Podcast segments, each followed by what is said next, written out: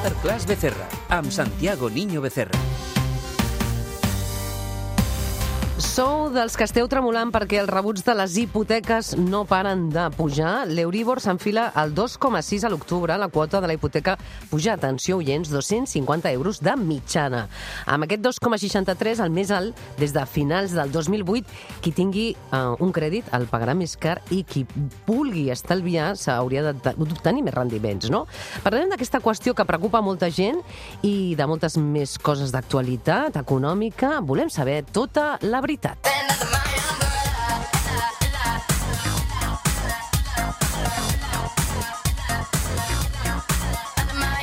Saludem a Santiago Niño Becerra. Bona nit, un fort aplaudiment. Com estàs, Santiago?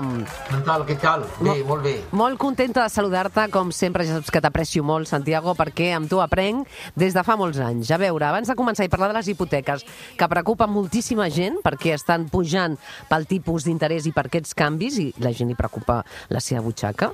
Uh, abans de començar, tu que ets usuari de Twitter, on tens molts seguidors, què et sembla el que està fent? Uh, tu pagaries diners a, a Elon Musk per ser-hi o si fan pagar, perquè ara volen fer pagar Twitter, eh, algú inventarà una xarxa social similar gratuïta i la gent migrarà. Com veus, no? Està sent polèmic, no?, el que està fent Elon Musk a, a la xarxa de Twitter?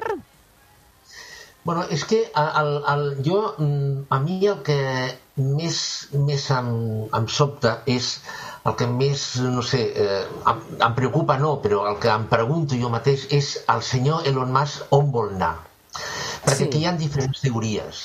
És a dir, i una teoria diu que vol convertir Twitter en una xarxa que sigui èlit, referent, eh, que tingui menys eh, seguidors eh, però mm, importants eh, i que després eh, vingui gent mm, bàsicament per sentir el que aquests referents diuen. Una altra teoria diu que el que vol és pasta pura i dura eh, i la, el vicer blau tu pagues 199 i el tindràs i el veí també i cadascú que digui el que vulgui perquè l'única cosa que vol és, són diners. Una altra teoria que diu és que vol convertir Twitter en un lobby, en un lobby mm, capitalista, partit republicà, etc etc. Mm, és que, mm, Chantal, tot és una incògnita encara. Encara no s'ha definit res per part de, del senyor Elon Musk. Però la gent es queixa, eh? La gent, jo he vist a la xarxa que es queixa d'aquests canvis, eh? No estan agradant gaire tants canvis, eh? Bueno, però és que mm, igual a, la, a les persones que no li agraden aquests canvis són les persones que Elon Musk no vol tenir. Eh, de, de fet, a Alemanya hi ha una xarxa que no és nova, però que ara tothom parla d'ella, que és Metadon, eh, que mm, està recollint ja, mm, segons diuen, ha recollit mig milió de eh, persones que estaven a Twitter eh, i que no cobra res, gratuït, etc etc i és bastant similar a, a Twitter. Jo, jo crec, mm, Chantal, que hem d'esperar unes setmanes a veure per on van els trets. Molt bé, parlem d'hipoteques. Ara sí, parlem de despeses. Les hipoteques a un tipus variable s'han disparat, com sabeu, oients. Eh, trobes aquestes pujades eh, escandaloses o normals, donada la circumstància? Recordem eh, que, ja deia abans, l'Euribor s'enfila al 2,6, eh, a, a l'octubre ja ha passat, no? I, I la quota de la hipoteca li està pujant a molta gent de mitjana 250 euros de mitjana, aquí estava en, en variable, no? A, a, a veure, a, abans de... És que, és que el, el, hem d'aclarir una cosa, Chantal. A, abans de que comencessin a pujar els tipus d'interès, tres quartes parts de les hipoteques, és a dir, tres de cada quatre hipoteques que hi havia a Espanya, eren a tipus variable. Eh, llavors, eh, el, el, el que passa ara és que mm, els bancs no volen fer hipoteques a tipus fixe, ara per com estan els tipus, els tipus d'interès. Mm, tu has dit xifres eh, d'Euribors i mm, xifres de increments de quotes mensuals d'hipoteques. Això pujarà encara més. Eh, hi han rumors, eh, hi han previsions que diuen que a Europa els tipus d'interès poden arribar al 5%. Eh, inclús els, alguns diuen el 5,5%. És a dir, que encara pujaran més. De tota manera, eh, si jo, que no és el cas, eh, però si jo tingués de fer una hipoteca ara, jo demanaria tipus variable. Eh, per què? Perquè al marge, al marge de que segur que no me la feien a tipus fixa, però això és un altre tema. Eh, és a dir, jo la demanaria a tipus variable perquè aquest, aquest nivell de tipus d'interès jo estic convençut que serà eh, eh, eh, temporal i això tranquil·litzarà, crec que tranquil·litzarà Però de quants, de quants mesos estem parlant, eh? De quants mesos? Quin panorama eh, un any, un any, un any i mig. Un any, un any i mig eh, i des, més, més eh, un any que un any i mig i després començaran a baixar. Mm, eh, a veure, de la mateixa manera, mm, Chantal, que no era lògic, tipus d'interès del 0%, això no té, no té ni cap ni peus. Uh Mhm. -huh. Tampoc, ara, ara per ara, avui, eh, és a dir, tal com estan els mercats financers, no és lògic tipus d'interès del 5%. És que no té tampoc ni cap ni peus. És a dir, eh, els tipus d'interès han, han, han de ser positius. Mm, qui, va, qui va contractar una hipoteca pensant que el tipus d'interès mm, estarien sempre al 0%, però jo, jo crec que mm, no, no va pensar massa el que va fer. Els tipus d'interès no poden estar, no han d'estar al 0%, però evidentment tampoc al 5%. Eh, jo crec que un nivell neutre de tipus d'interès podria ser a l'1%, eh, 1,2, 1,3. Aquest seria el nivell neutre. Uh -huh. eh, I aquí, a partir de, a partir d'aquí, jo crec que les persones han de començar a fer els, els números. Clar, ha, ha passat això, no?, amb aquest uh, 2,63, a més el dèiem de finals del 2008, que ha tingut un crèdit, eh? pagarà més car aquest any i mig, que és el que ens diu Santiago Niño Becerra, i qui pugui estalviar hauria d'obtenir una mica més de rendiments, no?, una mica. Bueno, Bueno, a veure, això no està clar. Això no està clar. Hi ha una entitat financera molt, molt, molt, molt important a Espanya, perdona que no digui qui és, eh, que ja ha dit que no li interessen els dipòsits. Eh, és a dir, que eh, no, no, que ella mm, el que vol són plans de pensions, és a dir, eh, sí que remunerarà plans de pensions que estan en una altra mm, entitat que vinguin, és a dir, no els que ja estan, eh, els nous, els remunerarà, però que dipòsits ara per ara no li interessen. És a dir, que eh, qui tingui un dipòsit mmm, no està clar que ara per ara, és a dir, ara per ara vull dir el mes vinent o al, o, o al gener, eh, eh, comencen a remunerar els dipòsits. No està clar. Algunes entitats ja s'han plantejat que sí, però no és generalitzat això. Eh? Busco un lugar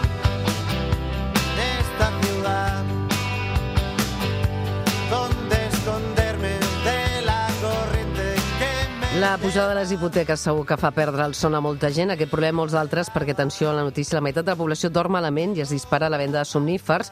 Ara en parlarem també, però abans una notícia també d'aquesta setmana que ens ha sorprès molt d'actualitat. Meta, l'empresa de Mark Zuckerberg, acomiada 11.000 treballadors, el 13% de la seva plantilla, en la primera gran retallada en els seus 18 anys d'història. Reconeix doncs, Zuckerberg que es va equivocar eh, al donar per fet el creixement del negoci que continuaria doncs, eh, a un ritme molt alt. No? Què et sembla? Les tecnològiques també comencen a, pa a patir, Santiago. Bueno, jo, jo crec, jo crec que, mm, Chantal, que eh, el que passa és que el, el cas de Meta, eh, l'antiga Facebook, és molt significatiu perquè és, és una empresa molt gran i, i mou, té molts usuaris, etc etc. però jo crec que les tecnològiques estan definint el seu camp d'actuació i eh, Mark Zuckerberg ho ha dit molt clar, és a dir, eh, amb ell el que li interessa és el metavers, eh, és anar per la banda de la publicitat, és eh, per la banda dels continguts i, eh, i el que no li interessa el, el treure fora. Eh, és a dir, la, les tecnològiques per, per el, la, la, la mateixa índole del seu negoci estan en, continu, en, en un canvi continu. Llavors, eh, van eh, tirant de, de beta fins que aquesta beta s'acaba i llavors li donen un canvi i van per una altra banda. Durant l'època, durant el, el moment del confinament eh, es va anar per una via eh, i ara eh, eh, i Mark Zuckerberg és jo crec un clar element eh, ja està definint una altra línia de negoci.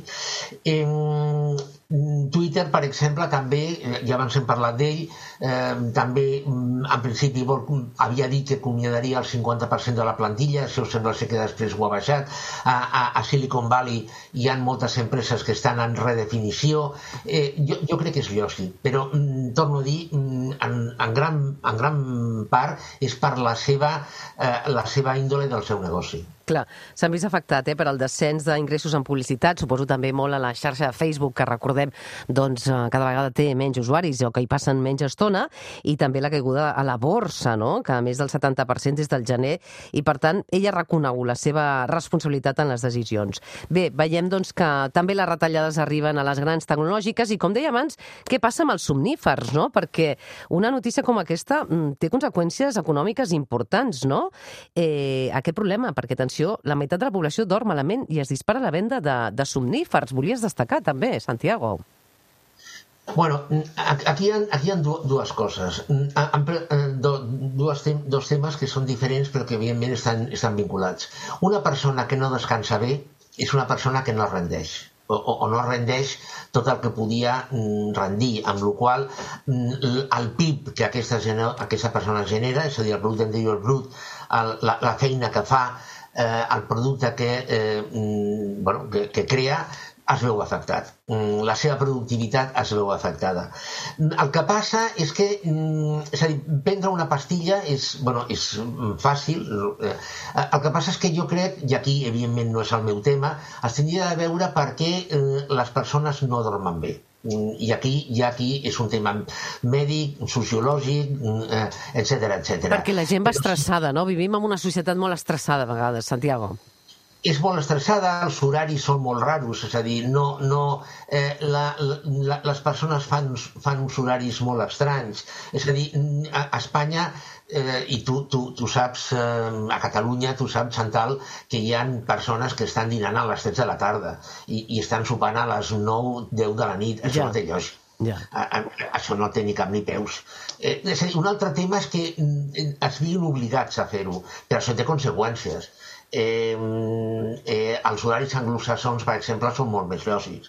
És a dir, i, i això, des d'una perspectiva econòmica, que eh, el 50% de la població no, de, no dormi bé, és a dir, no descansi bé, això té conseqüències molt greus. Afe- Afecta la productivitat de la feina, perquè el Japó es calcula que aquest problema fa perdre el 3% del PIB, no? Que, creus que són xifres creïbles? Sí, clar, perquè baixa la, la productivitat de la, de la meitat de la població, no? Et refereixes?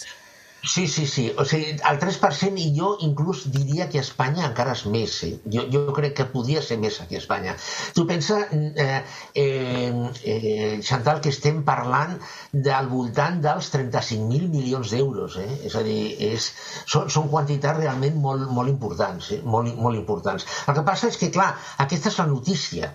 Eh, lo, realment important és que això es tracti de eh, solucionar, eh, es, es posi fil a l'agulla.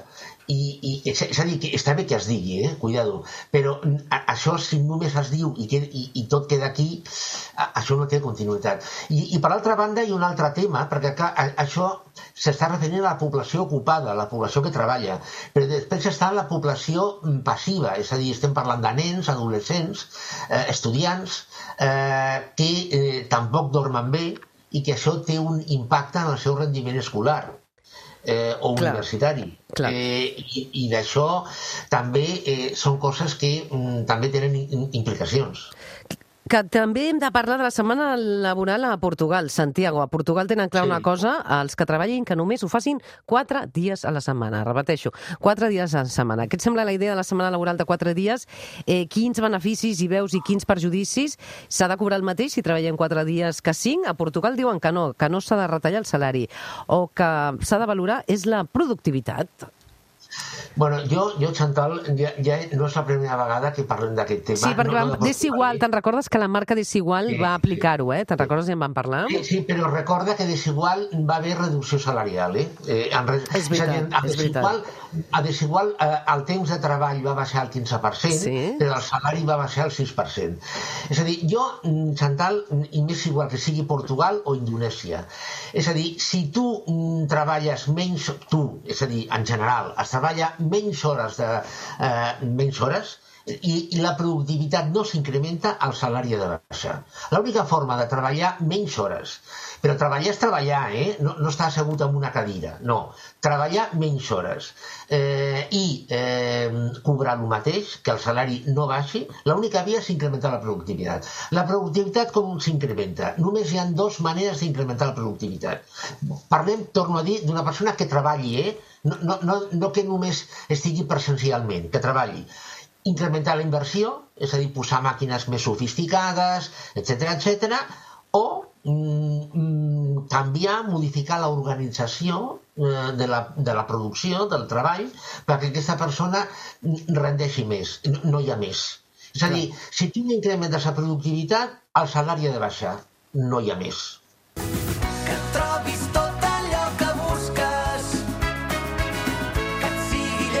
Hem d'anar acabant. Santiago, demà entrevisto Tomàs Molina i Francesc Mauri, un especial sobre el canvi climàtic al Revolució. Per acabar, ets optimista sobre les conseqüències del canvi climàtic? Què, què hem de fer com a resum, eh?